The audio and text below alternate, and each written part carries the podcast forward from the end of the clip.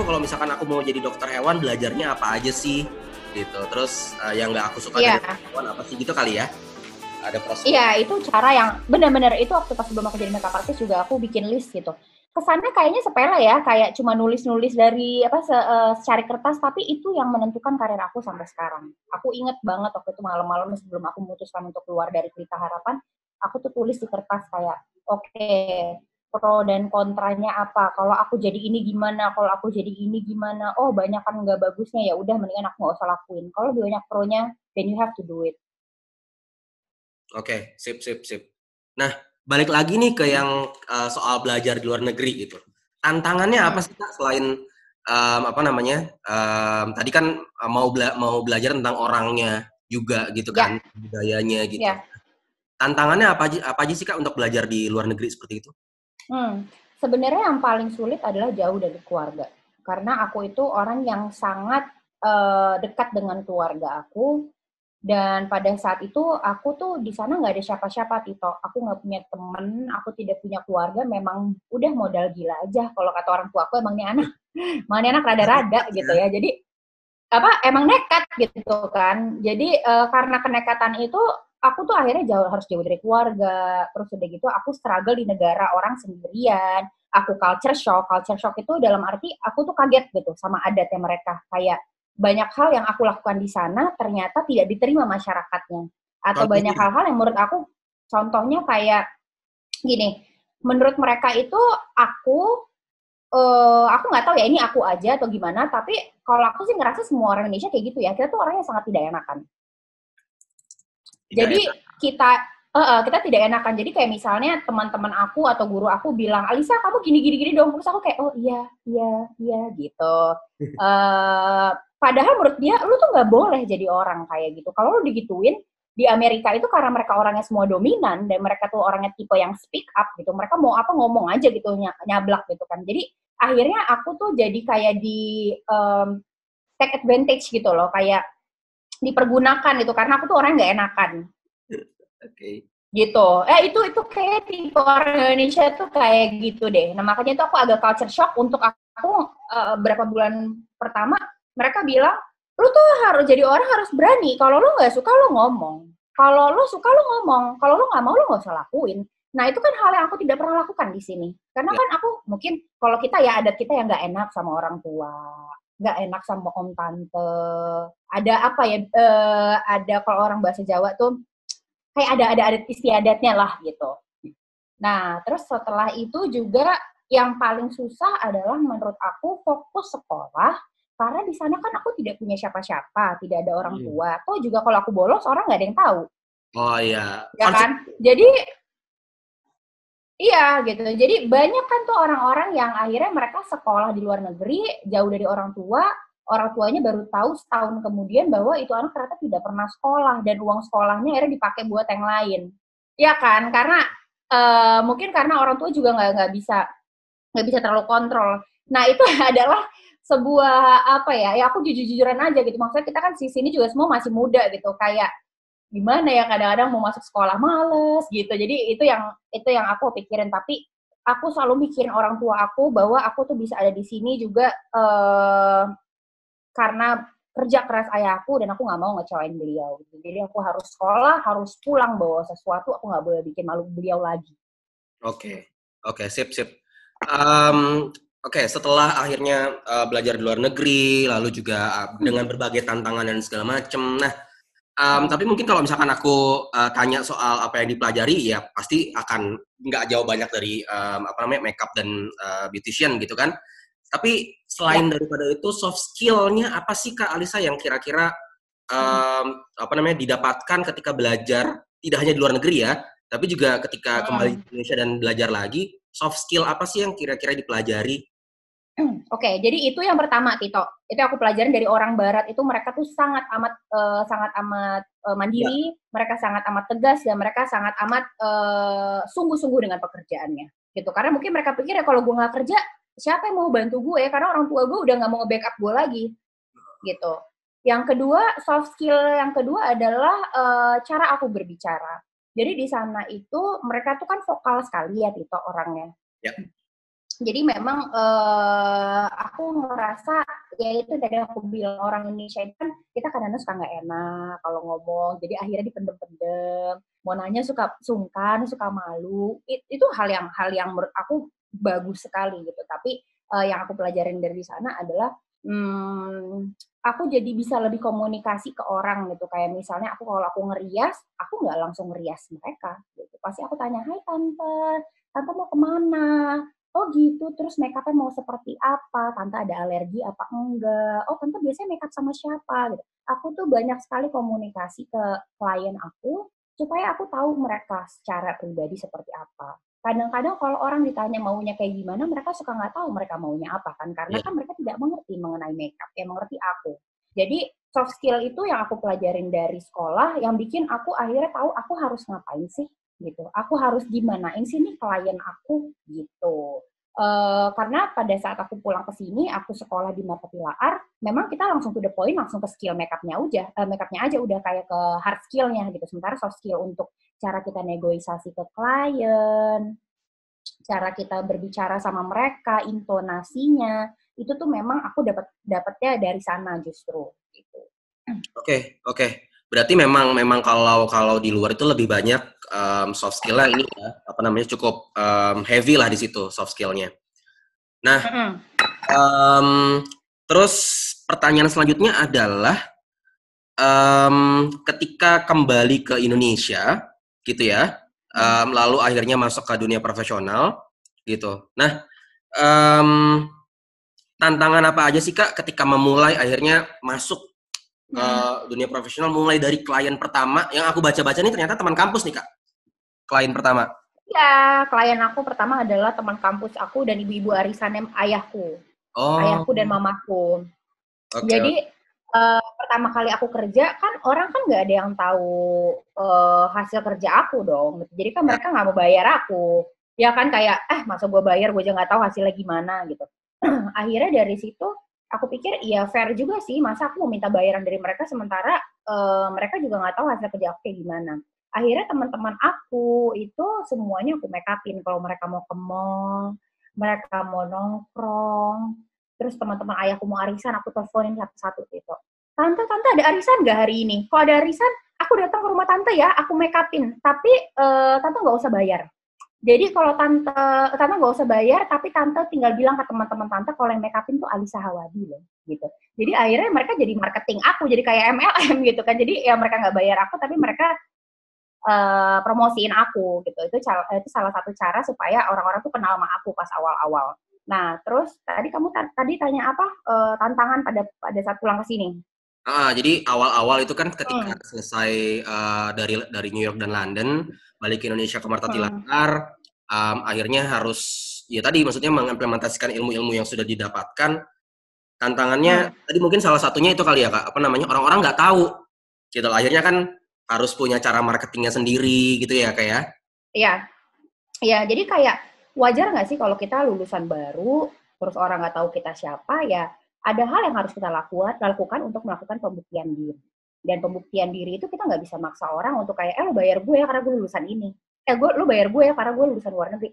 Nggak bisa kayak gitu karena pada saat aku pulang ke sini orang udah nggak ngelihat lagi aku lulusan mana. Yang mereka lihat upnya bagus apa enggak uh, hasil dia bisa bekerja apa enggak nah, hasil kerjanya gitu. Jadi itu hal yang aku akan tekankan ke kalian bahwa uh, pada akhirnya di saat kalian bekerja nanti orang tuh tidak berpikir siapakah kalian, lulusan mana, nem kalian berapa, skripsi kalian gimana, hasil yang mereka pikirkan adalah di lapangan itu seperti apa kalian orang.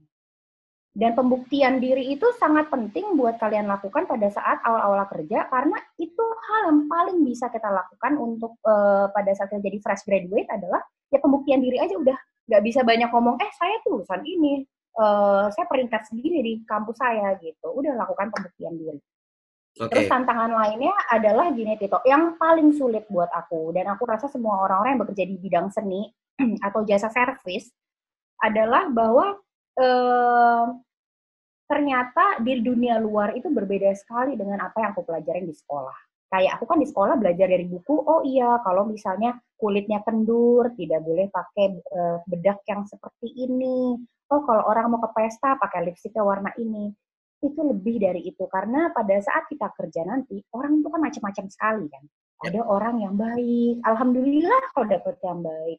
Ada orang yang ketus, ada orang yang ya karena orang macam-macam ya tiba-tiba suka marah-marah sendiri gitu. Itu aku tuh sempat kayak kelimpungan karena loh loh kok nggak ada di buku ya ini ya. Ini gimana nih cara menghandle orang-orang ini gitu itu menurut aku sebuah uh, tantangan nggak cuma aku aja aku rasa semua orang di bidang servis atau di semua pekerjaan um, bahwa mempelajari mengenai manusia itu hal yang tidak tidak akan pernah ada habisnya.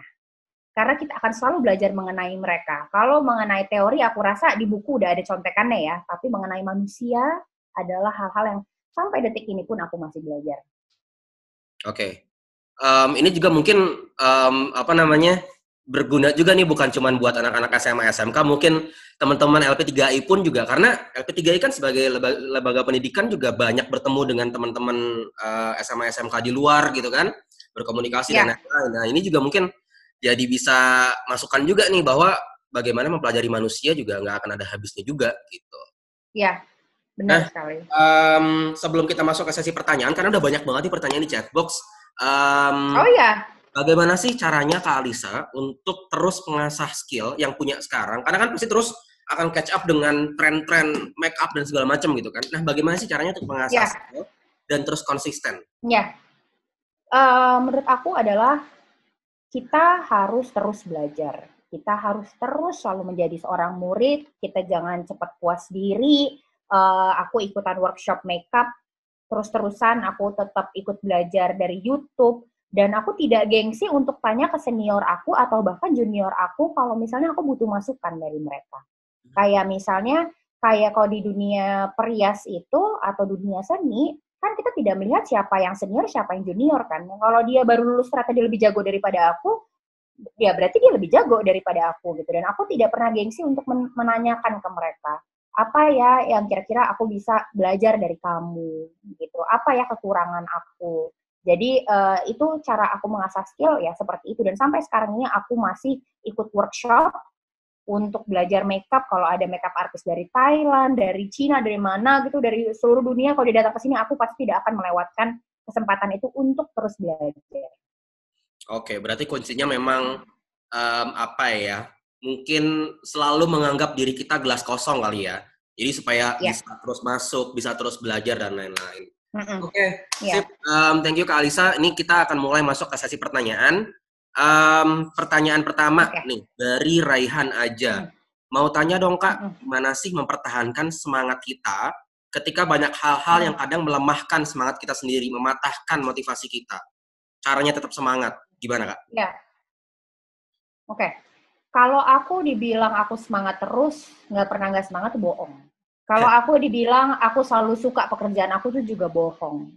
Karena uh, kita ya manusia ya, pasti ada masa-masanya kita bad mood, ada masa-masa kita good mood, ada masa-masa kita memang lagi uh, apa ya kayak semangat sekali untuk mencari uang gitu. Kalau menurut aku uh, belajarlah untuk jadi manusia sepenuhnya. Jadi kalau memang kalian merasa kalian bad mood, ya udah nggak apa-apa bad mood, terasain aja. Tapi bukan berarti kalian nggak bisa kerja kan?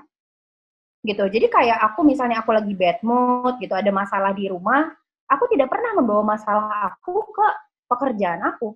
Itu hal eh, itu satu hal uh, yang menurut aku harus kita pelajarin bahwa kita harus bisa memisah uh, apa namanya ya hal-hal yang personal dan hal-hal yang profesional. Jadi kalau misalkan lagi bad mood, kalian lagi berantem sama pacar, kalian lagi apa-apa apa-apa, ya udah nggak apa-apa rasain. Tapi pada saat kalian kerja, kerja berapa lama sih? Ya kalau aku kerja ya untungnya sih cuma sebentar ya Tito. Paling cuma tiga jam tiga jam empat jam gitu. Aku fokus aja udah ke kerjaan aku. Karena hmm, kasihan kan orang. Kalau misalnya kita lagi bad mood dia yang kena kita kena semprot. Udahlah kita dibayar dia yang kita uh, dia yang kena semprot sama kita. Kan gak fair buat mereka. Dan selalu ingat bahwa setiap kita ketemu orang itu adalah uh, kesempatan untuk kita untuk kita tuh pembuktian diri ke orang jadi kalau misalnya kita pada saat itu lagi bad mood atau kita lagi nggak semangat dan kita membiarkan orang lain tahu tentang itu, nanti percaya deh ke depan-depannya orang akan bilang, ah si Alisa tuh kalau kerja nggak maksimal, nggak bagus kerjanya gitu. Terus atau kayak itu orang kata di Instagram doang tuh baik, aslinya mah e, cemberut doang, nggak suka ngajak ngomong. itu akan jadi word of mouth loh. Dan menurut aku marketing itu yang paling uh, paling hebat itu adalah uh, dari mulut ke mulut gitu. Jadi kita harus tetap profesional dan kalau memang kalian merasakan hal-hal yang memang mengganggu kalian rasain tapi harus bisa dipisahkan. Oke, berarti berarti memang memisahkan antara personal dengan profesional ya. Yes. Oke. Pertanyaan selanjutnya nih dari Shelly DN. Kak, gimana sih caranya buat bertahan sama passion kita, sedangkan orang tua kita ngedesak kita buat ngambil yang bidang yang bukan passion kita. Hmm. Nah, ini gimana nih cara ya. komunikasinya mungkin, Kak? Komunikasi ke orang tua ya, gini. Jadi pada saat itu sebelum aku sekolah ya, Tito, aku tadi uh, lupa cerita bahwa selama 9 bulan, aku tuh sempat diginiin sama ayah aku. Ayah kayaknya nggak bisa deh ngebiarin kamu untuk uh, sekolah makeup gitu. Karena pada saat tahun 2010 2011 itu untuk orang tidak lulus uh, sekolah formal itu tuh kayak buat orang tua kayak wah nih anak nanti nggak akan jadi apa-apa nih. Apalagi ayahku tahu aku mau jadi perias, dia kan mikirnya lo mau hidup pakai apa? Gitu. Apakah menjadi perias Indonesia akan hidup? Gitu kan. Nah, tapi selama 9 bulan aku melakukan pembuktian bahwa aku tidak pernah meminta atau tidak pernah menerima uang dari orang tua aku sepeser pun. Dan aku aku membuktikan ke beliau bahwa memang aku konsisten dan aku, ini hal yang aku ingin lakukan adalah menjadi seorang perias. Gitu. Dan menurut aku nggak apa-apa sah-sah aja kalau orang tua pada awalnya khawatir ya namanya juga orang tua ya gitu. Tapi setelah kita melakukan pembuktian diri bukan cuma buat orang tua tapi buat diri kita juga kan Tito kayak sebenarnya gue mau sih ngelakuin ini? Emang itu takes time. Waktu itu aku butuh waktu 8 sampai 9 bulan sebelum aku sekolah. Jadi memang aku sempat nganggur untuk merias. Dari situ orang tua akan ngelihat kayak oh iya kok ini anak gue bener kok konsisten dia nggak ngomong doang kok. Dan gue ngeliat ini anak beneran senang loh gitu pasti kan orang tua ngeliat ya Ya. Dan mereka tuh pasti ngerasa ini anak nih beneran passionate di situ itu adalah hal yang me memang uh, membuat mereka bahagia. Dan setiap aku bekerja uh, beberapa apa uh, beberapa penghasilan aku itu selalu aku kasih ke orang tua aku. Hmm. Jadi orang tua aku juga jadi dia juga apa ya kayak terharu gitu kan kayak oh ya ampun nih anak nih bener-bener ternyata ngebuktiinnya bukan cuma dengan cara mereka dia konsisten aja bekerja tapi dia juga uh, mau ngebantu gue gitu. Ya, jadi memang memang apa ya ada yang dilakukan konsisten. Kita ya. juga harus ada apa namanya artinya give back mungkin kayak ya, ke orang tua juga nih ya. dari apa yang kita lakuin gitu kan. Kita membuktikan hmm. kita memang bisa menghasilkan itu. Jadi ya. mungkin bisa jadi apa namanya gambaran. Nah, um, menarik banget ini um, ini salah satu pertanyaan aku suka nih Kira-kira hmm. Kak Alisa pernah merasa insecure nggak? Pernah. Gimana Kak cara ngatasinnya? Ah, jujur aja ya, aku tuh insecure pasti ada. Dan aku rasa orang sejago apa pun tuh merasa insecure tuh pasti lah. Dan itu menurut, menurut aku hal yang bagus loh, Tito. Buat kita merasa insecure walaupun insecure itu juga kadarnya nggak boleh nggak boleh terlalu banyak ya. Karena kalau kita insecure terus akhirnya kita jadi nggak ngapa-ngapain. Akhirnya ngerasa kayak mau ngapain dikit takut. Mau ngapain dikit segan gitu. Tapi insecure itu justru yang bikin aku merasa bahwa gimana ya caranya supaya gue yakin ya? Gitu. Oh ya konsol gue supaya gue yakin adalah dengan gue mengasah skill gue gitu. Kalau misalnya emang aku merasa insecure makeup aku sekarang udah nggak terlalu bagus dengan perkembangan zaman kan makeup e, berubah kan ya Tito ya kayak fashion aja industri fashion tuh dan makeup tuh berubah. Ya. Aku aku terus belajar. Yang tadi balik lagi kayak cara, cara aku mengasah skill dengan seperti itu aku ngerasa oh ya oke okay, gue udah belajar oke okay, let's do it gue udah gue udah tahu nih tekniknya gue udah pelajarin gue udah update diri gue ayo kerja gitu. Oke, jadi mungkin yang bisa aku tangkap adalah insecure itu kan datang dari diri sendiri gitu kan insecure karena apa yeah. nih insecure-nya mungkin karena misalnya yeah. kita ngerasa kayak hasil kerja kita nggak um, lebih baik dari orang lain nah berarti gimana nih cara ngejarnya hmm. ya kan kita asas hmm. kita hmm. belajar lagi hmm. Ya hmm. akhirnya yang bisa mentekel atau menghilangkan insecure itu sendiri ya diri kita sendiri Hmm, karena kan sebenarnya kita insecure itu karena kita tidak merasa puas dengan diri kita kan. Kita tidak merasa diri kita tuh uh, mampu. Nah, kenapa kita tidak merasa seperti itu? Karena kita merasa mungkin kita tidak percaya diri dengan skill kita. Gimana cara supaya kita percaya diri dengan skill kita? Ya kita pelajarin lagi skill-skill lain sampai kita ngerasa kita oke, okay, gue udah siap nih, gue udah siap perang karena semua senjata gue udah punya, gitu. Dan senjata itu dalam bentuk knowledge. Oke, okay. sip. Um, selanjutnya, pertanyaan dari Ike Rahayu. Apa hmm. prinsip awal yang kakak tanam dalam diri sampai sekarang ada di posisi seperti ini? Prinsip fondasinya yang mungkin dipegang terus dari awal sampai sekarang. Oke, okay, um, ini sebenarnya aku akan ngasih tahu prinsip ini pada saat nanti pertanyaan terakhir yang aku mau ngasih apa namanya uh, ya? masukan buat teman-teman apa ya. Mungkin aku uh, mungkin aku bisa ngasih tahu sekarang ya bahwa prinsip aku itu adalah hidup dan mimpi itu nggak boleh biasa-biasa aja. Kedua hal itu tuh harus luar biasa. Yang biasa-biasa aja itu harus diri kita. Jadi terus jadi orang yang rendah hati, orang yang uh, selalu punya keinginan keinginan tahuannya tinggi, orang yang selalu berusaha untuk introspeksi diri dan sadar bahwa ya kalau emang kita salah ya gue salah. Gue terima kalau gue salah. Dan kita lapang dada menerima bahwa um, oke okay, kalau misalnya ada masukan gue akan terima dengan baik gitu. Itu prinsip aku dari dulu sampai sekarang bahwa aku nggak mau hidup aku biasa-biasa aja jadi kalau kalian mimpi jadi orang kaya kalian mimpi jadi milioner ya nggak apa-apa mimpi itu nggak boleh biasa-biasa aja. Jadi biasa-biasa aja diri kita, pribadi kita. Oke, berarti apa ya? Maksudnya hmm. gantungkan cita-cita setinggi langit. Emang harusnya di, di, di atas banget. Jadi kalau misalkan memang hmm. jatuh, kita jatuh di antara bintang-bintang. Istilahnya kayak gitulah ya. Jadi biar. Iya, dan kayak kayak apa ya Tito? Um, aku tuh bisa sampai sini. Aku tuh emang orangnya nggak cepat puas diri. Jadi itu yang aku bilang makanya nggak boleh biasa-biasa aja gitu harus luar biasa hidup tuh harus luar biasa kamu tuh uh, kamu mau sesuatu pengen oh gue pengen naik Ferrari kayak Hotman Paris kayak Raffi Ahmad dan do it you gotta you gotta chase it gitu nggak ada nggak ada yang ngayal tuh nggak ada dan itu yang bikin aku tuh nggak pernah berhenti oke okay. Nah tapi mungkin apa ya ini relate juga dengan teman-teman yang ada di sini bahwa um, oke okay, mungkin kita bisa menggantungkan cita-cita kita, kita bisa menggantungkan impian kita dan segala macam gitu. Tapi bagaimana sih kak kalau ini juga pertanyaan juga ya, bagaimana sih kita tahu hmm. diri kita, kita pengen ngembangin diri kita nih, kita pengen apa namanya hmm. um, menggapai cita-cita kita, impian kita dan segala macam. Tapi mereka merasa bahwa ah ini saya terbatas dengan keadaan ekonomi nih gitu. Nah, bagaimana sih akhirnya hmm. motivasi itu nggak hilang gitu loh? Gimana caranya? Karena kan banyak contohnya di mana banyak orang-orang uh, yang sekarang kita tahu juga apa namanya berawal juga sama dari titik nol gitu bekerja keras dan lain sebagainya gitu nah motivasi yang ditanamkan itu seperti apa sih kak kalau misalkan kita merasa bahwa aduh kayak keterbatasan ekonomi saya nggak mampu dan segala macam gitu-gitu untuk oke okay, tabrak aja oke okay, ayo saya harus belajar itu okay. motivasinya apa sih yang ditanamin oke okay. menurut aku keterbatasan ekonomi itu bukan jadi excuse untuk kita nggak bisa memiliki pekerjaan atau mimpi yang luar biasa Tito. Karena pada saat aku pertama kali makeupin orang, kalian tahu berapa bayaran aku? Cuma puluh ribu rupiah. Dan dengan puluh ribu rupiah itu aku tidak aku tidak dapat uang dari orang tua aku lagi. Jadi kalau ditanya, ya kasihan juga pada saat itu tahun 2012 dibayar puluh ribu juga habis buat ongkos taksi doang kan?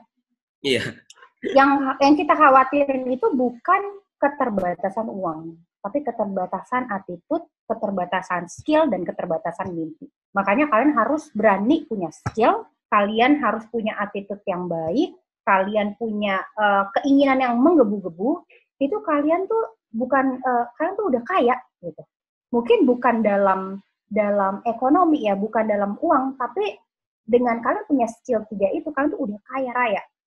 Dan itu yang bisa bikin kalian itu uh, siap untuk bekerja dan meraih cita-cita kalian. Karena nggak ada sama sekali hubungannya dengan uang.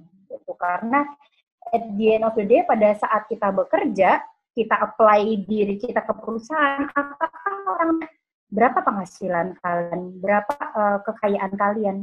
HR nggak ada yang nggak akan ada yang nanya kayak gitu. Ya oke, jadi memang apa ya? nggak bisa itu jadi excuse, nggak bisa itu jadi halangan. Dan dan kalau yeah. dicari pun juga juga channelnya banyak kali kayak, ya. maksudnya uh, kalau sekolah ya ada beasiswa gitu kan, um, apa namanya hmm. uh, beasiswa sana sini itu juga banyak banget bahkan sampai ke luar negeri pun juga ada beasiswanya kalau kita yeah. rajin nyarinya gitu kan iya benar benar ya, jadi uh, jadi Terus itu menurut aku yang kalau misalnya nanya tentang keterbatasan ekonomi sih menurut aku hmm, nggak ada sih itu nggak itu tidak menjadi penghalang sama sekali tidak menjadi penghalang oke okay, oke okay. sip nah um, dari Ardeta, bagaimana caranya menghadapi bedanya bekerja sama dengan orang luar negeri dan orang Indonesia? Hmm. Nah ini menarik hmm. nih kan um, apa namanya Kalisa juga sempat belajar di uh, luar negeri gitu kan kembali ke Indonesia. Nah, bedanya apa yeah. sih yeah. sama dengan orang luar negeri maupun dengan orang Indonesia? Hmm. Um, ini yang paling beda banget ya Tito ya. Kalau kalian perhatiin di perusahaan-perusahaan besar di Indonesia itu pasti mereka bosnya ada yang orang foreigners gitu kan, orang um, luar negeri, orang bule gitu. Kenapa? Karena cenderung nggak tahu kenapa ya orang Indonesia tuh takut sama orang bule. Jadi kalau bosnya orang bule itu mereka pasti langsung diem, langsung dengerin, langsung nurut gitu. Tapi beda kalau misalnya bosnya orang Indonesia tuh pasti mereka ah bodoh sebodoh teing gitu. Nah, aku belajar bahwa kalau kita bekerja sama mereka, ya kita juga harus kayak mereka. Gak boleh tuh ada gak enak gak enak gak enakan. Mereka tuh orangnya to the point. Oh, gue nggak bisa ngerjain itu. Karena kenapa? Karena ya itu bukan bidang gue. Lu nggak bisa maksa gue untuk kerjain itu karena itu bukan hal yang gue gue nggak bisa ngelakuin itu. Kalau gue ngelakuin, lu paksa ngelakuin itu, uh, ini pekerjaan akan terbengkalai nih gitu. Harus berani ngomong. Jadi itu bedanya bekerja sama orang luar negeri ya memang lebih ceplos-ceplos sih. Terus mereka juga lebih um, apa ya efisien gitu, efisien. Nggak ada tuh yang kerja tuh males-malesan, terus udah gitu um, ya diundur-undur gitu tuh nggak ada gitu karena mereka yang aku bilang mereka tuh individualnya tinggi sekali jadi mereka tuh cuma bisa berharap dan uh, berharap sama diri mereka sendiri karena kalau nggak nggak nggak karena mereka nggak nggak bisa mereka nggak bisa hidup oke okay. oke okay. jadi memang lebih ke cara komunikasinya yang jadi berbeda gitu ya kayak ya? iya Iya. Oke. Okay. Um, ini ada lagi nih. Ini ini cukup menarik nih. Um, Kak mau nanya dong, menurut kakak, yang ber, menurut menurut Kak Alisa nih, yang berhasil dari pendidikan hmm. vokasi. Kak Alisa kan hmm. uh, belajar pendidikan vokasi terapan gitu di luar negeri. Nah, tapi ya. kenapa anak-anak di Indonesia masih memandang pendidikan hmm. itu pendidikan yang ya mereka lebih pilih uh, eh, S1 atau PTN gitu kan? Um, hmm. Karena mereka masih memandang uh, pendidikan vokasi yang contoh um, suksesnya udah banyak gitu kan, tapi mereka um, lebih pengen untuk dapat uh, pendidikan yang memang uh, S1 ataupun uh, apa namanya uh, lebih banyak konsepnya gitu belajarnya. Nah menurut Kak Alisa sendiri seperti yeah. apa? Menurut aku sih karena gengsi ya, jujur aja itu adalah hal yang uh, punya punya sertifikat atau kayak gelar S1, S2, S3 itu kan sebuah achievement orang zaman dulu. Yeah. Jadi mungkin uh, orang tua orang tua kita, oh lu nggak lulus S1, lu mau jadi apa? Gitu. Padahal uh, aku bisa bilang ke orang-orang bahwa gue juga sekolah cuma jadi perias kok. Gue sekolah juga cuma satu tahun, tapi itu tidak menghalangi aku untuk uh, menjadi orang yang seperti sekarang gitu. Menurut aku kita bersyukur bisa sekolah vokasi karena uh, lebih to the point gitu. Aku lebih senang to the point. Aku lebih senang belajar sesuatu yang memang sesuai dengan interest aku gitu. Lebih cepat, lebih to the point dan penerapannya bisa kita langsung terapin di, di pekerjaan nanti di lapangan kerja karena memang kita sudah menguasai itu gitu kan. Jadi menurut aku itu sih. Oke, jadi memang kalau uh, sama sih aku juga aku juga mau share sedikit bahwa um, kalaupun aku bisa putar waktu gitu kan ya pengen banget untuk untuk sekolah vokasi, sekolah bisnis, yeah. uh, pendidikan vokasi karena karena sekarang-sekarang ini justru itu yang dibutuhkan gitu, skill-skill entrepreneurship, um, skill-skill apa namanya, um, lebih banyak ke soft skill gitu. Artinya aku pun dari tahun 2017 ngelamar-ngelamar kerja itu nggak pernah bawa-bawa ijazah, nggak pernah bawa-bawa IPK aku berapa dan segala macam, tapi apa yang aku jual adalah pengalaman organisasi. Artinya kan um, yang yang bisa yang bisa dijual, yang bisa ditunjukkan adalah bagaimana pada akhirnya kita um, kemampuan menyelesaikan masalah, kemampuan yeah. manajerial, kemampuan komunikasi kita dengan orang lain, bagaimana kita hmm, hmm. deadline dan segala macam. Jadi mungkin buat teman-teman juga yang ada di sini bahwa uh, bukan kita menafikan atau kita uh, memandang berbeda gitu kan untuk pendidikan S1 tapi kita berpikir bahwa yang dibutuhkan oleh Indonesia saat ini negara kita gitu ya skill-skill terapan yang gimana itu dipelajari lebih banyak di pendidikan vokasi gitu. Sehingga nanti ketika selesai uh, pendidikan masuk ke dunia kerja itu tidak gagap gitu loh. Tidak gagap industri. Kita bisa langsung untuk hmm. terus uh, beradaptasi. Kita sudah bisa artinya nggak kaget lah gitu sama sama situasi hmm. industri dan dunia profesional. Mungkin itu kira-kira yang bisa jadi um, tambahan. Atau mungkin dari Kak Alisa, Kak Alisa ada tambahan?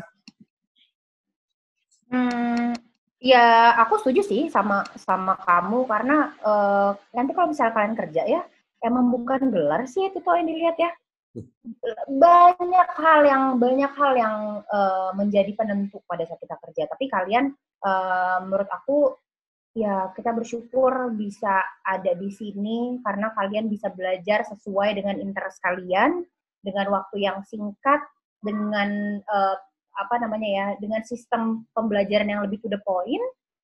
Uh, ya kita bersyukur ya nggak sih? Iya benar. Oke, okay um, ada lagi nih dari Intan Avela. Kita punya mimpi yeah. yang tinggi, gitu kan? Kita hmm. berusaha untuk menggapai mimpi itu, gitu. Tapi di satu sisi kita selalu kayak dapat apa namanya uh, bully-bully dari dari sekitar kita, gitu kan? Dari teman-teman kita, dari orang eh, orang-orang lain yang kayak ngapain sih, gitu? Nggak bakal kejadian. Kayak akhirnya menjatuhkan, gitu. Nah, gimana sih kak untuk untuk untuk menghadapi yeah. orang kayak gitu, gitu? Oke. Okay Um, gini ya, menurut aku Tito.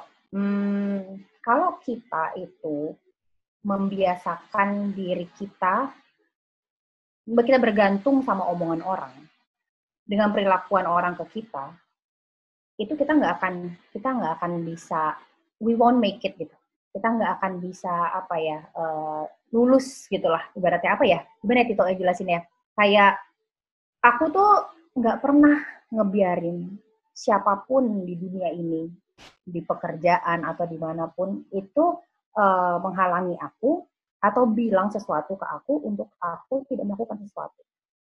Gitu. Karena akan ada banyak orang di luar sana, mau kalian udah jadi bos pun, mau kalian udah jadi orang terkait dunia, itu akan ada yang bully. Pasti akan ada orang yang ngomongin kalian. Dan pasti banyak hal-hal yang mostly nggak enak untuk didengar.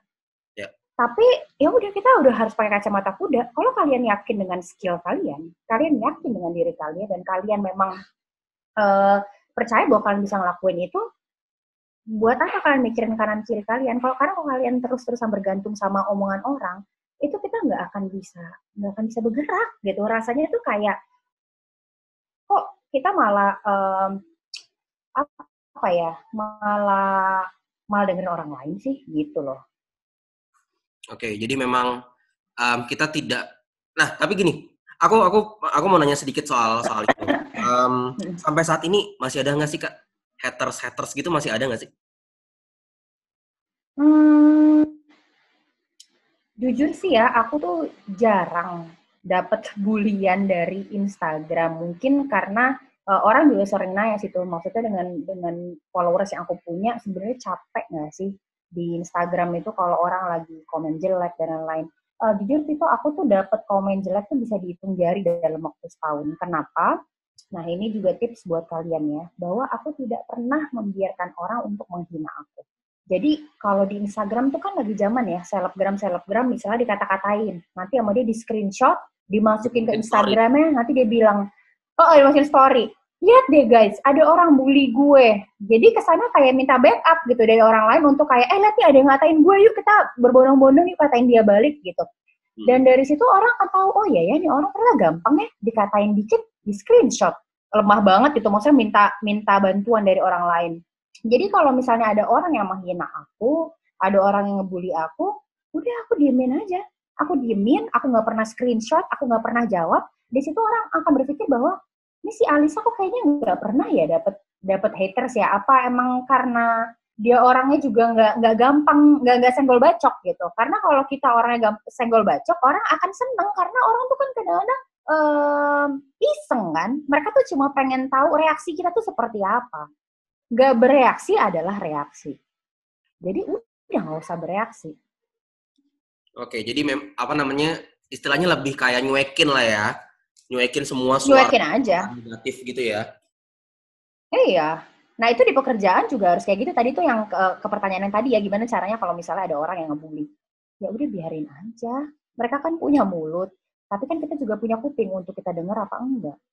Hmm. Kalau aku prinsip aku seperti itu. Akhirnya, akhirnya ya ujungnya jadi pilihan kita juga. Apakah kita mau memasukkan itu ke hmm. hati, apakah kita mau nyuekin hmm. aja dan terus kita hmm. lanjut sama karir kita dan mimpi kita, gitu kan? Itu jadi pilihan kita. Hmm. Kan? Hmm. Karena kalau kalian menerima hinaan itu, ya berarti kalian harus terima dengan hinaan itu.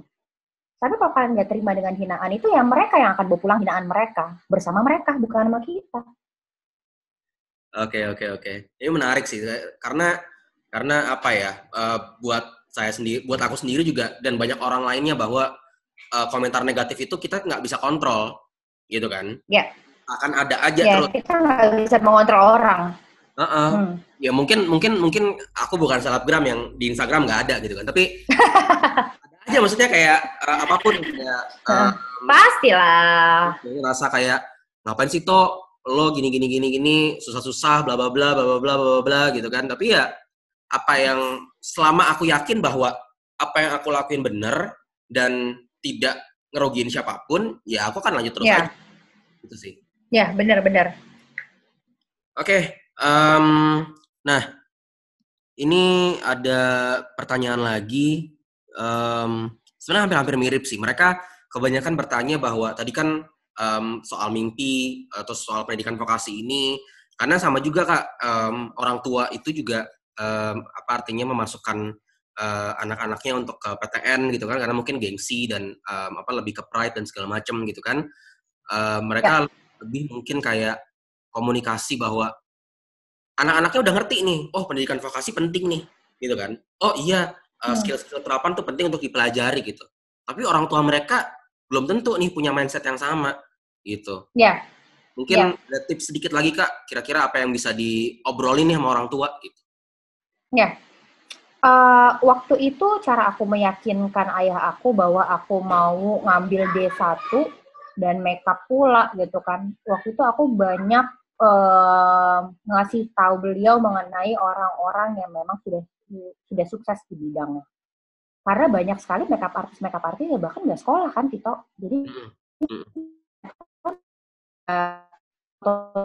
itu bahkan mereka bisa dibilang terjun langsung ke ke bidang perias itu karena accident gitu karena kecelakaan. Tapi kita harus kasih lihat orang tua kita bukti nyatanya siapa aja sih orang-orang di luar sana yang bahwa mereka juga uh, adalah sebuah bukti bahwa mereka bisa menjadi orang yang luar biasa. Karena wajar kok kalau orang tua, kalau misalnya kita bilang, ayah aku yakin aku bisa jadi seseorang, ayah harus percaya sama aku.